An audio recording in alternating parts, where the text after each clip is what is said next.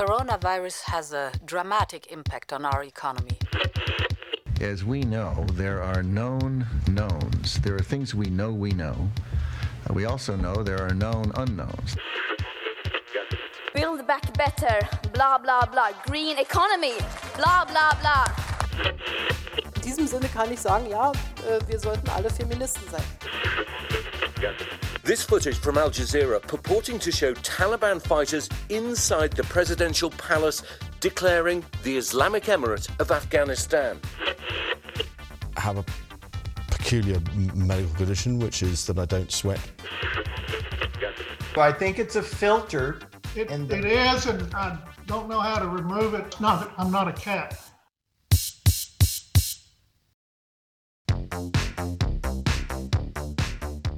Þú ert að hlusta á heimskviður Í heimskviðum er fjallað um það sem gerist ekki á Íslandi. Ég heiti Birta Bjöstóttir.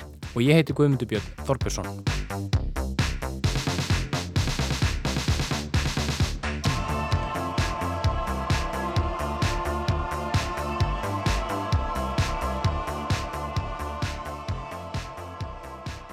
Það er ákveðið þema í þættinum í dag. Við ætlum að fjalla um umdeilt hernaðabröld bandarækjamanna víða um heim, bæði í nútíð og fortíð, áhrif árásana og eftirmæli. Í fyrirluta þáttarins ætlar Ólöf Ragnarsdóttir að segja okkur frá mannskeðum dróna árásum bandaríkjaher sem allir fósettar bandaríkjana hafa fyrirskipað síðan George Tvöfaldaf Bush lísti yfir stríðinu gegn hriðjuverkum. Dróna árásetnar hófust í valdatíð Bush en eftirmaður hans Barack Obama nýtti þær þó í enn meira mæli. Talið er að Obama hafi heimilað tíu sinnum fleiri dróna árásir en Bush. Já, bara á sínu fyrsta ári í embætti náði Obama að heimila fleiri drónaárásir en Bush gerði í allri sinni átta ára valdatíð. Og talandi um bandaríska embættismenn í síðar hluta þáttarins allir þú Guðmundur Björn að segja okkur frá arleið Collins Power, er það ekki? Jú, dróna árásir koma þar endar lítið við sögu en annars konar hernaður talsvert. Powell var sem kunnugt er utaríkisráþra í valdatíð áður nefnds Bush og einn af helstu kvatamönnum innárásarinnar í Írak árið 2003. Powell lést í síðustu viku og eins og venja er veldir fólk fyrir sér arfleið embættismanna á borðið hann. En við skulum byrja á dróna árásunum. Stríði gegn hriðiverkum sem George Tvöfaldvar Bush lísti yfir í kjölfar hriðiverka árásuna þann 11. september 2001 hefur gengið fórseta á milli alla tíð síðan. Drónahernaður hefur gengt líki hlutverki í því stríði. Hundruðir almennra borgara hafa verið drepin í dróna árásum bandarækja hers, árásum sem herin hefur oft reynd að afneita þar til rannsóknarbladamenn hafa leitt sannleikan í ljós. Ólöf Ragnarsdóttir segir nú frá.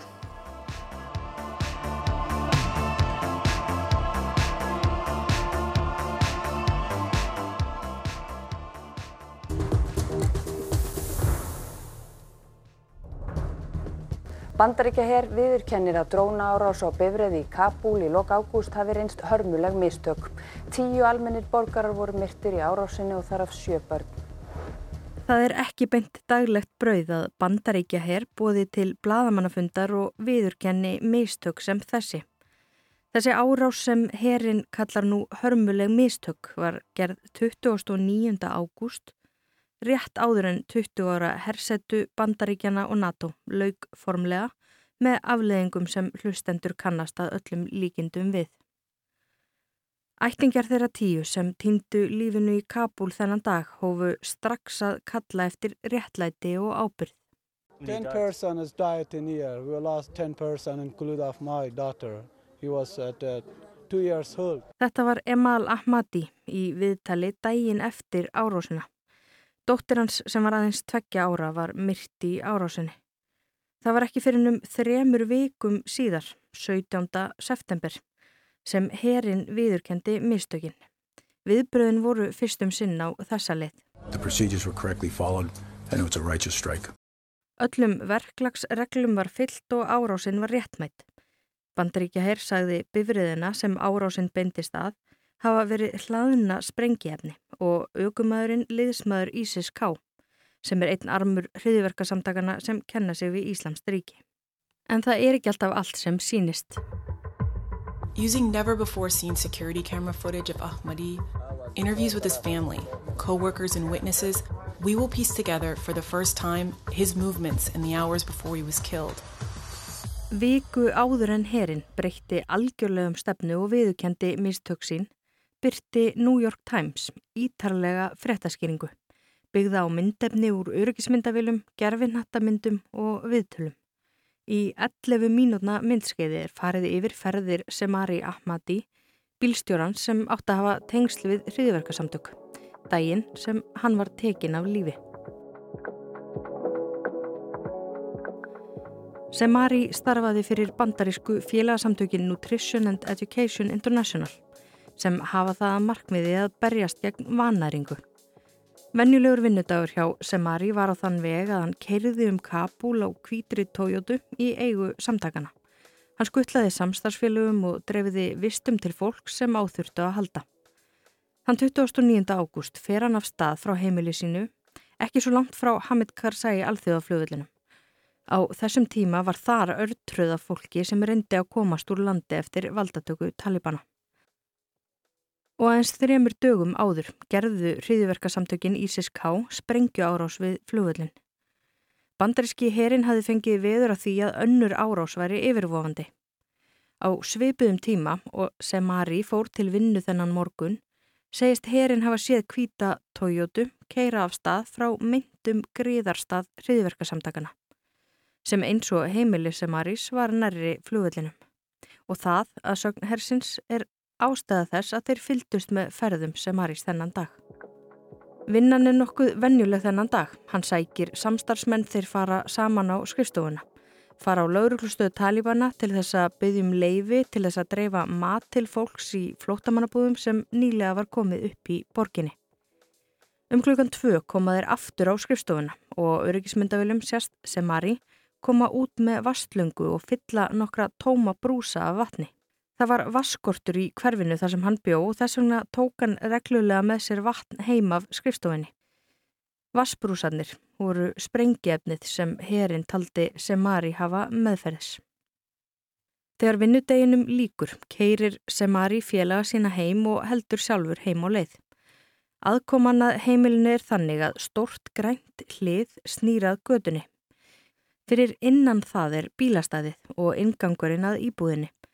Yngri bróðir Semaris lýsir því þannig að börnin hafi yfirleitt verið spennt að taka á mótunum og það sama var på tenningnum þennan dag. Þegar hann kemur að græna hliðinu hlaupa börnin út og setjast inn í bílinn áður en Semari keirir inn í portið og leggur í stæðið. Á þessum tímapunkti er tekin ákvörðun um að varpa sprengjunni. Aug sem Ari létust þrjú af börnum hans, fimm börn bróður hans og annar fullorðin bróðursonur. Eins og áður hefur komið fram hefur heri nú viðukjönd mistök og beðist afsökunar. Þá hafa aðstandendum hinn að látnu verið lofað bótum. En því fer fjarrri að öll saklaus fórnarlömp stríðsbrölds fái afsökunarbeðinni.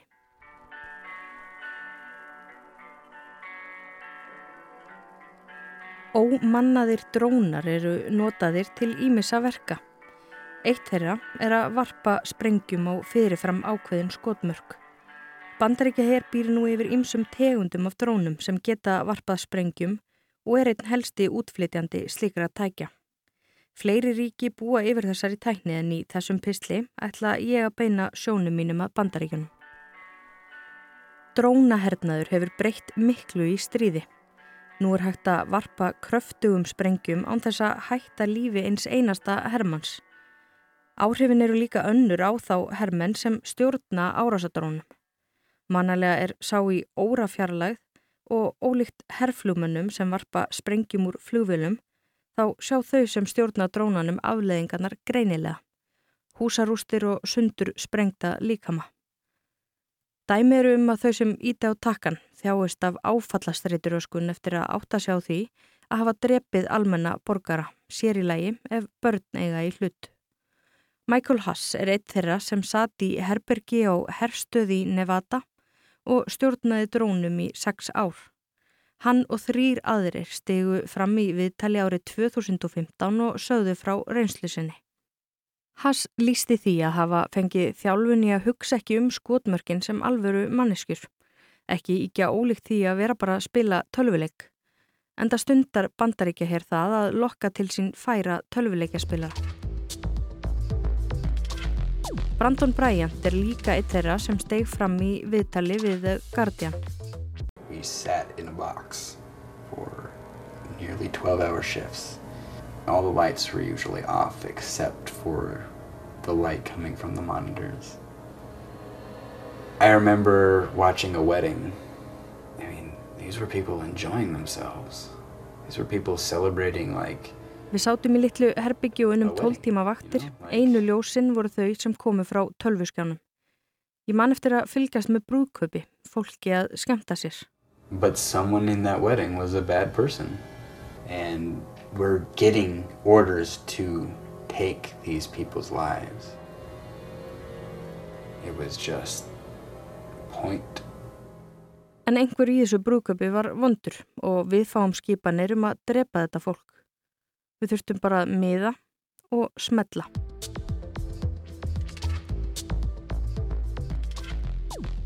Fólk í þessum störfum fær afhengt umslag þegar það hættir herþjónustu.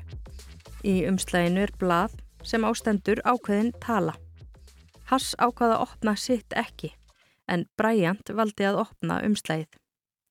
Á blaðinu stóð 1626. Það er fjöldi þeirra sem hann átti þátti að drepa. Það er heldur ekki auðvelt að búa á svæðum þar sem drónar sveima yfir nánast linnu löst. Tilfinninguna um að á hverri stundu getur þú verið drepin eða limlest. Rattir þessa fólks heyrast korki oft nýja víða. Drónahernaður bandaríkjahers hófst í kjölfar hriðjuverkana 11. september 2001 þegar George W. Bush, þáerandi fósetti, lísti yfir stríði gegn hriðjuverkum. Það er ekki auðvelt að finna tölfræði um fjölda dróna árása en The Bureau of Investigative Journalism, sem hér eftir verður vísa til sem The Bureau, hefur rannsakað drónaherna bandaríkjana hvað mest og margsinnis byrt langar og ítarlegar umfjallanir sem oft eru í samstarfi við virta fjölmiðla viða um heim. Markmiði bjúró er að greina frá staðrendum, afhjúpa kerfispundið óréttlæti og sportna gegn raungum og villandi málflutningi. Vittnað hefur verið í umfjöllum þeirra um drónahernað bandaríkjana að fjölmiðlum um heim allan. Mannrektindarsamtök hafa byggt lögsóknir á henni, þingmenn og talsmenn saminuðu þjóðana hafa notað upplýsingar frá þeim í ræðum og svo lengi mætti telja. Það verður líka gert í þessum pisli til þess að henda reyður á umfangi drónaárása.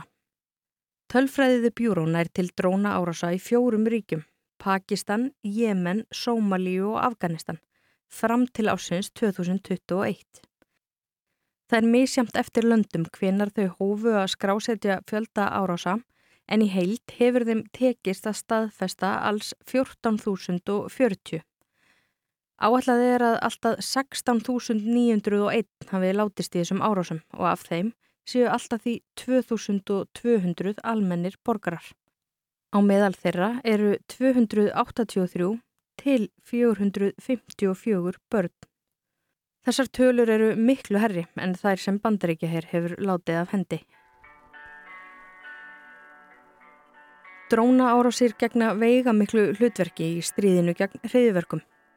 Þótt að hafi verið Bush sem hóf það stríð þá margfölduðust slíkar árásir í fósettatíð eftirmanns hans Baracks Obama. The Bureau áallara Obama hafi heimilað tíu sinnum fleiri dróna árásir en Bush. Á sínu fyrsta ári í ennbætti hafði Obama þegar heimilað fleiri dróna árásir en Bush gerði á sínum átta árum í kvítahúsinu. Simply put, these strikes have saved lives. Obama-stjórnin leitt svo á að dróna árásir væri svo nákvæmar að með þeim væri hægt að taka úr umferð grunaða hriðjuverkamenn án þess að ógna lífi saklusra borgara. Talsmenn drónahernar taka undir þetta og segja hann hafa bjargað lífi margra bandaríkjamanna. Ekki sé lengur þörf fyrir suppulegar hernaraðgerðir eins og innrásina í Írák 2003. Pólitíkin í kringum drónahernað auðveldar stjórnvöldum líka lífið. Með honum er hægt að framkvæma árásir úr lofti í ríkjum sem bandaríkin er ekkert endilega í formlegu stríði við og þannig að lítið beri á. Í lok valdatíðar Obama var þó komið aðeins annað hljóð í skrokkin. There were times where, for example, with respect to drones that I had to kind of stop the system for a second and say, you know what, with our ability to take kinetic strikes uh, around the world. uh, without having enough process to avoid uh, consistently the kinds of civilian casualties that can end up Í þessu viðtali við bandaríska miðlinn NPR segist Obama hafa þurft að staldra við og hugsa um hvort stjórnvöld væru orðin of kærulus í dróna árásum úti í heimi. Hvort þau væri að gera nóg til þess að forðast mannfall óbreyttra borgara. Og hvort það gæti enda með að vinna gegn því sem hann kallar stríðið gegn öfgahyggju. Það eru einmitt rauk þeirra sem efast um gagsemi hernaðir í nafni stríðsins gegn hriðiverkum. Hann auki á anduð í garð bandaríkjana og hver dróna árás búið til fleiri öfgamenn. Á eftir Obama kom Donald Trump. Hann gaf hernum viðtækara vald til þess að taka sjálfur ákvörðun um drónaárásir. Árið 2017, hans fyrsta ári í embætti, voru framkvæmdar þrefalt fleiri árásir í Jemen og Sómalíu en árið áður. Í viðtali við sjómanstöðuna CBS árið 2017 var þáverandi varnarmálar á þeirra James Mattis spurður um mannfall almennra borgara í árásum bandaríkjahæs undir merkjum stríðsins gegn hriðiverkum. Uh, the American people and the American military will never get used to civilian casualties. We will, we will fight against that every way we can possibly bring our intelligence and our tactics to bear. Bandaríska þjóðin og bandaríki hermunu aldrei vennjast mannfalli almennra borgara og við gerum allt sem í okkar valdi stendur til þess að koma í veg fyrir slíkt, sagði Mattis. We are the good guys. We're not the perfect guys, but we are the good guys. So. Við erum góðu gæjarnir. Við erum ekki fullkomnir, en við erum góðu gæjarnir og reynum að gera okkar besta.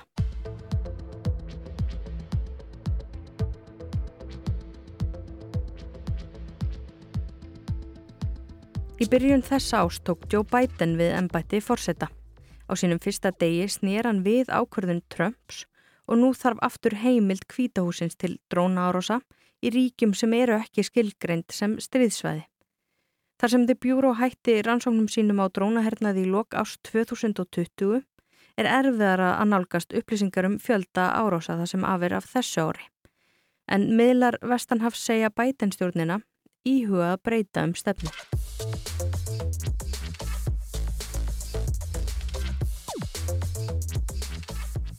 The Bureau gerði meira en bara halda utanum fjölda drónaárása. Þau vilja draga fram í kastljósið nöfnin og andlitin á bakvið tölfræðina.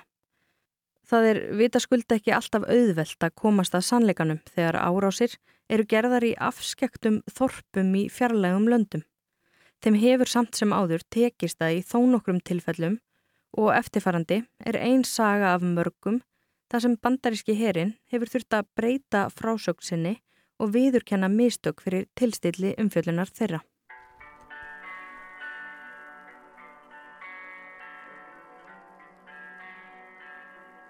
Snemma morguns þann 23. september 2018 var lífi Masi Uraman Mubares umturnað þegar enn einn drónaárásinn var framkvæmt í Afganistan. Eiginkona hans, sjö börn þeirra og fjögur skildmenni á táningsaldri létust öll. Bandaríkja her og her Afganistans þeir einu sem framkvæmdu loftarósir í landinu á þessum tíma neituðu báðir sög. Teimi frá The Bureau og New York Times og víðar eittu samtals átta mánuðum í að leiða sannleikan í ljós. Það getur verið torvelt eiginlega næstum ómögulegt að rannsaka atvik á vettfangi í Afganistan. Sérilegi þegar árásir eru gerðar á afskektum svæðum þar sem öryggi er ekki tryggt. The Bureau leitaði á náðir Bellingcat, fjölmiðils sem sérhæfir sig í rannsóknarbladamennsku og hefur getið sér góðan orstýr við að rannsaka atbyrði með því að nota gerfinættamindir og myndefni sem er byrt á netinu.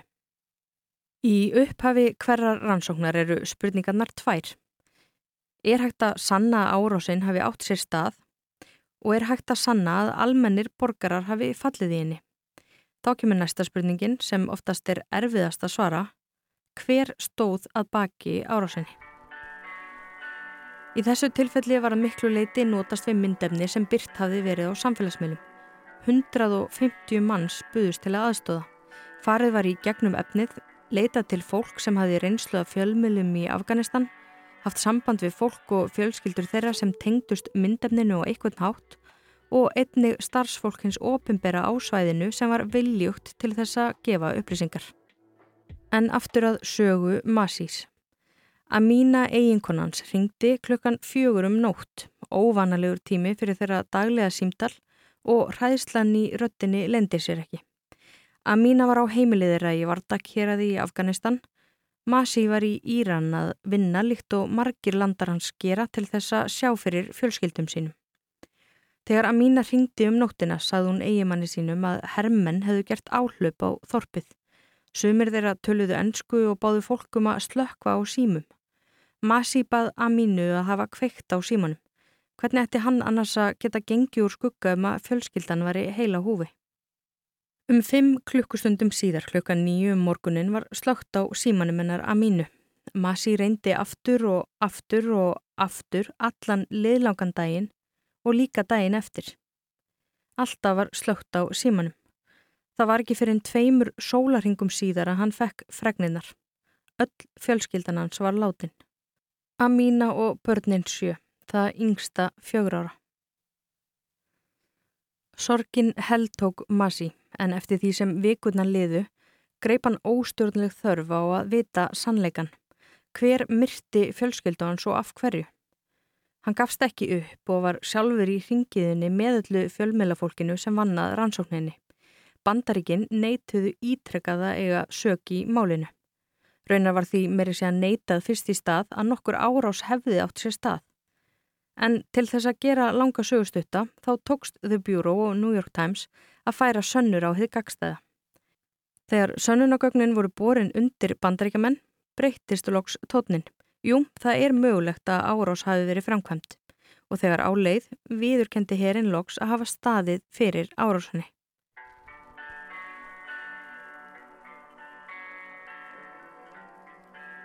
Segja má að mikilvægustu sönnunagögnin hafi verið myndir af vettfangi þar sem sjámátti sprengjubrótt Af þeim gáttu vopna sérfræðingar ráðið að það kæmi aðeins einn hér til greina. Þegar hér komi sögu er búið að færa sönnur á með óeikjandi hætti að árásinn hafi átt sér stað og hver framkvæmdana. Þá stendur eftir spurningin hvers vegna. Rauk bandaríkjahers eru sjálfsvörn. Skotið hafi verið á bandaríska hermenn frá húsinu. Svæðið sem umræðir var undir stjórn Talibana og íbúi í þorpinu hafiði greint frá því að liðsmenn þeirra hefðu skotið á hermenn frá heimilum almennra borgara. Engin hafði þó staðfest að heimili Masi var í eittirra og tveir aðrir íbúar segja að allt hafi verið með kyrrum kjörum þegar árásin var gerð. Hugsanlega er staðsetning húsins skýringin. Það stóð örlítið fyrir utanþorpið og aðeins um 200 metra frá fangelsi Talibana sem herin hafi gert áhlaup á til þess að frelsa afganska hermenn. Kanski var heimili Mahís og Amínu skotmark fyrir mistök. Atburðar á sinn þennan örlaðaríka sunnudag er enn óljós. Þorpsbúar segja að nóttina áður hafi sprengjur hyrst falla nærri þorpinu. Dægin eftir hafi Hermann gert áhlaup á fangelsið.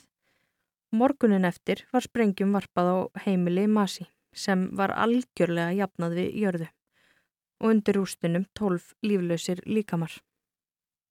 Masi segir að afganskir embætismenn hafi viðurkent undir fjögur augu að fjölskyldans hafi látist. Það var hins vegar ekki gert ofinberlega.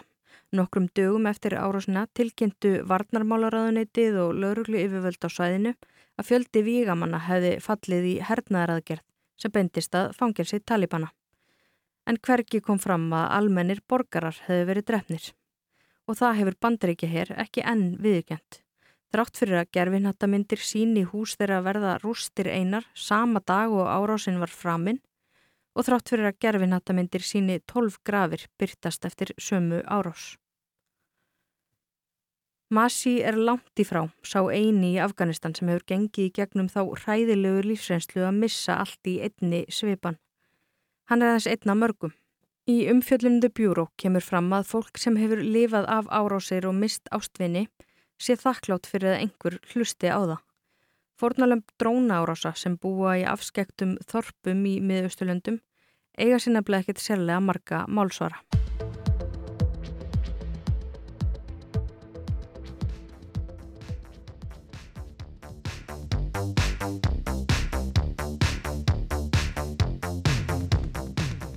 Og meira af bandarískum stjórnmálamönnum og hernaðabröldi þeirra.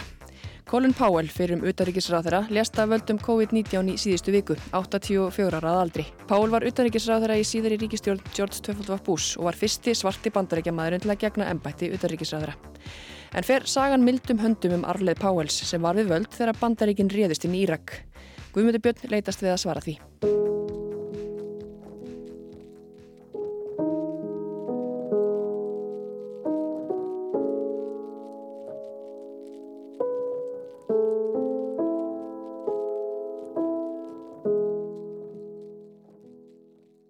Það er 5. februar og árið er 2003. Öryggisaráð saminuð þjóðanar samankomið í New York einu og hálfu ári frá árásinni á tvíburaturnana 11. september 2001.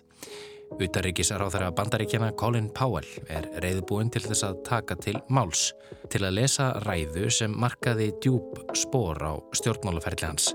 Ræðu sem hans verður alltaf minnst fyrir.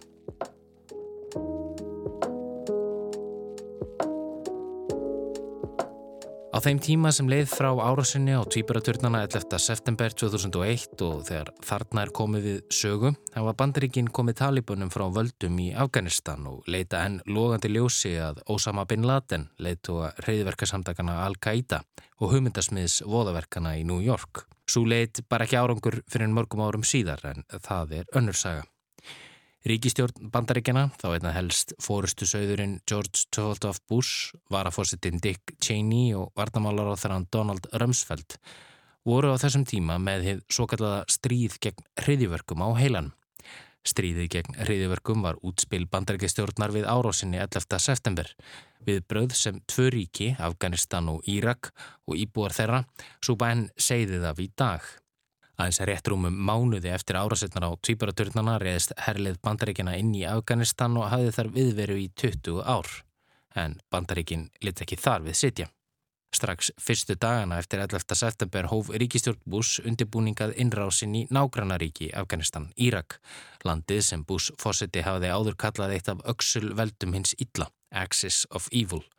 Óvinnir lendust í hortni hverju í huga Bush og eitt þeirra var Saddam Hussein, fósiti Írak. Að mati bandaríkjastjórnar var Saddam Hussein ógn við vestrænt líðræði, ógn við frelsið og erið hann ekki stöðaður, getu atbyrðir 11. september endur tekið sig í annari og jafnvel enn verri mynd.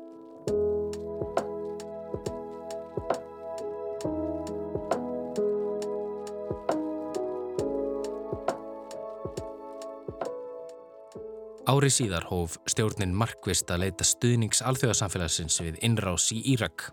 Svo tilraunaði hámarki 5. februar 2003 á fundi Öryggisraðs saminuð þjóðana.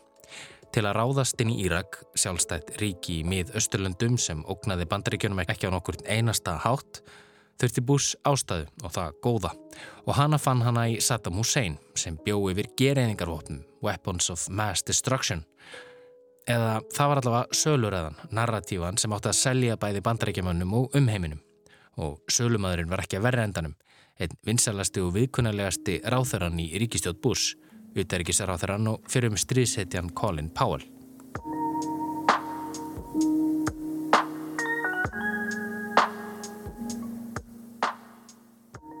Colin Powell fættist í Harlem í New York 1937 og var sonur jamaikaskra innflytjenda. Hann hafði jarðfræði og viðskiptafræði en meiri hluta starfsæfinar varði hann í bandaríska hernum og var meðal annars höfðusmaður í Vietnamstríðinu. Af öllum þeim hryllingi sem viðgegst í Vietnamstríðinu er Lai fjöldamorðið svo kallega ofarlega á lista sögubókana. Þegar bandarískir hermenn reyðust inn í Míla í hérað og myrtu á bylinu 350 til 500 ofopnaða almennra borgara, karla, konur, börn og smábörn. Mörgum hvennana var hóp, nöðgað og þær limlestar. Colin Powell kom ekki nálagt fjöldamorðinu í Míla en hann lágandir ámæli fyrir að hafa reynd sem höfðusmaður að kvítú að bandaríska hermenn fyrir aðkomu sína þessum voðaverkum. Svona gerist í stríði, sagði Powell.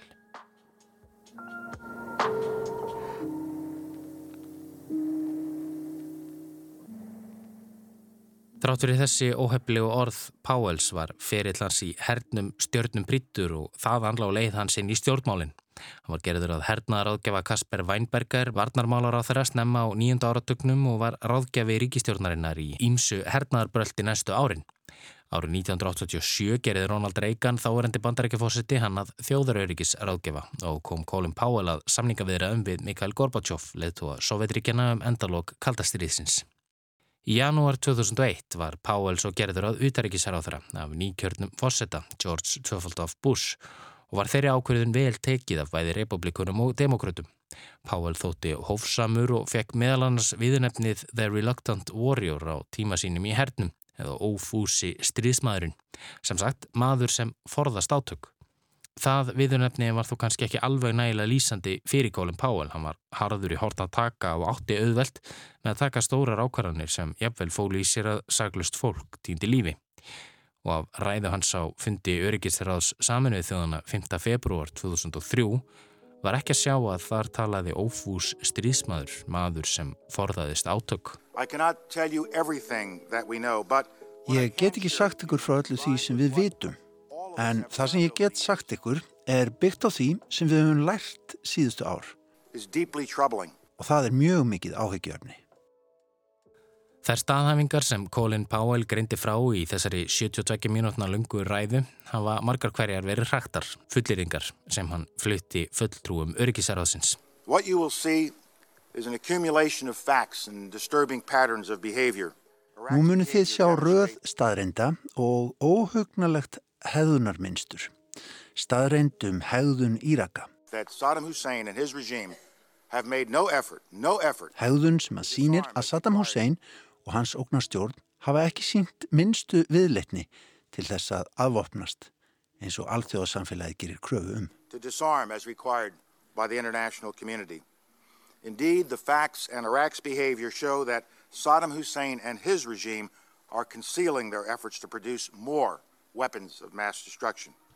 Staðrendirnar tala sínu máli og hefðun Íraka sínir að Saddam Hussein og ógnarstjórn hans reyna nú að fela tilröðinu sínar til að búa til fleiri gereðingarvopn.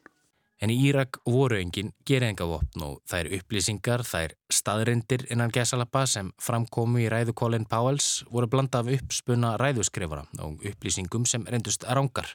Með öðrum orðum, það stóð ekki stein yfir stein yfir vittlesunni sem Colin Powell let út úr sér þegar hann reyndað sannfæra ríki heims um að steyðja innrás bandaríkjana í Írök. Öryggisráðið let ekki sannfarast af orðaflömi Colin Powells en það skipta engu máli. Í rauninni þurfti hann ekkert stuðning alþjóðarsamfélagsins. George Bush yngri var þegar búin að gera upp haugsinn og um sex vikum síðar reyðust bandaríkinin í Írak og letu sprengjum regna yfir rangláta sem réttláta.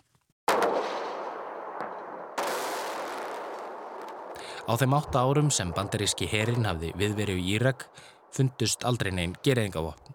Saddam Hussein var vissulega komið frá völdum en í kjölfar þess myndaðist pólitíst tómarum í Írak sem bandaríkin hefði ekki hugsað til enda og markháttuð og flókin borgarestyrjöld brast út.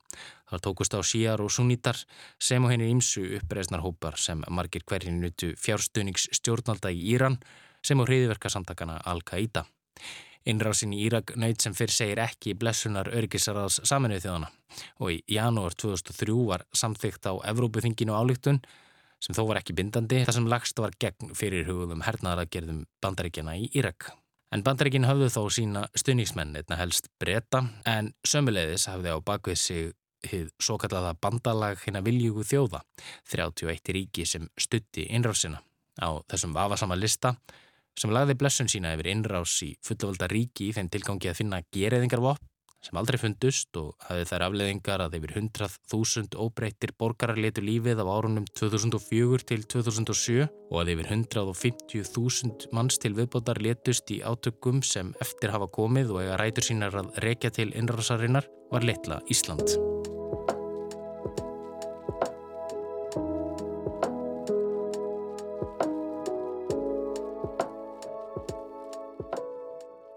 Bandaríkinn þurftu að bregðast við árásunum 11. september af fullri hörku. Einrásinn í Írak var nöðsynlegu liður í því að mati fórsetans og fylgisveina hans þótt alþjóðasamfélagi það mestu leiti fordæmdi einrásina.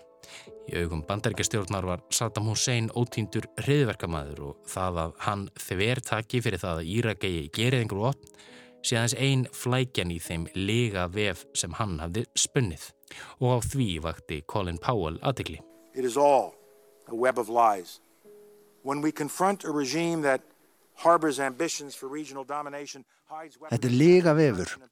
Þegar við mætum ógnarstjórn sem felur gjöreðangar vopp sín og heldur lífiskildi yfir og stýður hriðjuverka menn, erum við ekki að mæta fortíðinni. We are not confronting the past. We are confronting the present. Við erum að mæta nútímanum. Og ef við grípum ekki til aðgerða, mætum við enn hræðilegri framtíð. And unless we act, we are confronting an even more frightening future. Colin Powell lést á mánudagin af völdum COVID-19, 84 ára að aldri. Sá stutti tími sem hann gengdi ennbætti utaríkisar á þeirra bandaríkjana mun alla tíð vera arfleð hans, þótt Marx sé að minnast. Hann var fyrsti svarti maðurinn til að gegna ennbætti utaríkisar á þeirra bandaríkjana og Mark verðlaunuð stríðsetja úr Vietnamstríðinu. Hann hefði verið vinsæl bæði meðal demokrata og republikana, naut fylgis þvert á flokka og það var einmitt ástæðan fyrir því að hann var látin flytja ræðuna umdeltu fyrir öryggisráði saminuð þjóðana. Colin Powell nutt virðingar. Ég spurði Gunnar Raffn Jónsson, bladamann og sérfræðing í málefnum mið Östurlanda út í arfleith Colin Powells. Eftir á var líka reynlega hægt að nota þetta sem átillu, demokrater og, og, og aðrir sem er ekki, vilja ekki kannast sérstaklega við að hafa stutt stríðið í dag, segja, ég menna, auðvitað kausi með stríðinu fyrst að Colin Powell af öllum mönnum var að mæla með þessu, ég menna, maður lítur að treysta Colin Powell. Þannig að hann seldi í raun og veru mannorð sitt. En hvað hefði gerst ef Colin Powell hefði, þegar hann var beðin um að flytja þessa undeldu ræðu, ræðu sem ræðurítari Dick Cheney var að fórsetta skrifaði og var uppfull af ránkvæslum, einfallega neitað og sagt að hann takk ekki þátt í þessu ruggli. Með því að vera andlit hins gangstæða, með því að standa upp og segja ég var skipaður í ríkistjón, hérna, ég hef aðgang á upplýsingunum sem þessi ríkistjón hefur, ég treyst henni ekki og veist, ég er bara alltaf að segja mig frá þessari ríkistjón út af því að þetta er, er svo alvarlegt mál. Hefði það stoppað stríði? Ekki endilega, en það hefði komið veg fyrir að það hefði verið samþygt með þeim hættis að það var gert. Mjög margi demokrater hefði til dæmis ekki líklega skrifað undir stríðið ef að Páel hefði ekki uh, ef að Páel hefði sett sig gegn því. Og líklega menn eins og Janvill John McCain og aðrir svona móturéttur republikanar og maður segir. Þannig að ég held að þetta, uh, mjög margir hefðu litið öðruvísi tilbaka á hvernig ákvörðunum var ef hann hefði ekki verið hlutafinni þannig að hann ber tölverð ábyrð Stjórnmálaskýrindur hafa fært rauk fyrir því að eftir ræðu Colin Powells á þingi öryggisarás saminuð þjóðana í februar 2003 hafið samband bandaríkjana við saminuð þjóðnar laskast til frambúðar og grafið undan trúverðuleika bandaríkjana á alþjóðavettvangi. Síðar sagði Powell að hann sæi ekki eftir neinu jafn mikið á sínum stjórnmálaferli og sinni æfi að hafa flutt þessa ræðu. I understood the consequences of that, of that failure and as I've said on many occasions I deeply regret that the information, some of the information, not all of it, some of the information I presented, which was multi-source, was wrong. And it is a blot on my record. But, you know, I, there's nothing I can do to change that blot. Colin Powell síndi eftirsjá og viðurkendi mistök sín. Síðar átti hann eftir að lýsa því yfir ofinberlega að hann stýtti ekki Donald Trump í fórsetaframbúði fyrir republikanaflokkin í kostningunum 2016 og að hann myndi kjósa Hillary Clinton fórsetafni demokrata.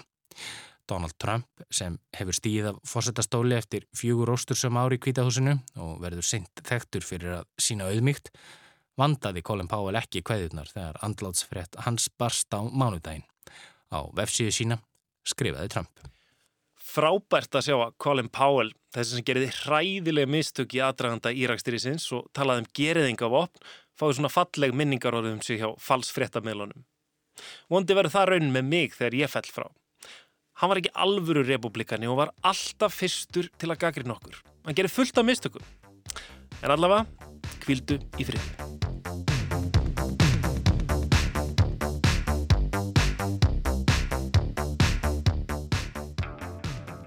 Já, og það má geta þess að þessi orðsending Trump í kjölfar andláts Powell endaði á upprópunamerki. Einmitt, Donald Trump er samur við sig, en heimskuður verða ekki fleiri þessa vikuna. Við þökkum þeim sem hlýttu og heyrumst aftur í næstu viku.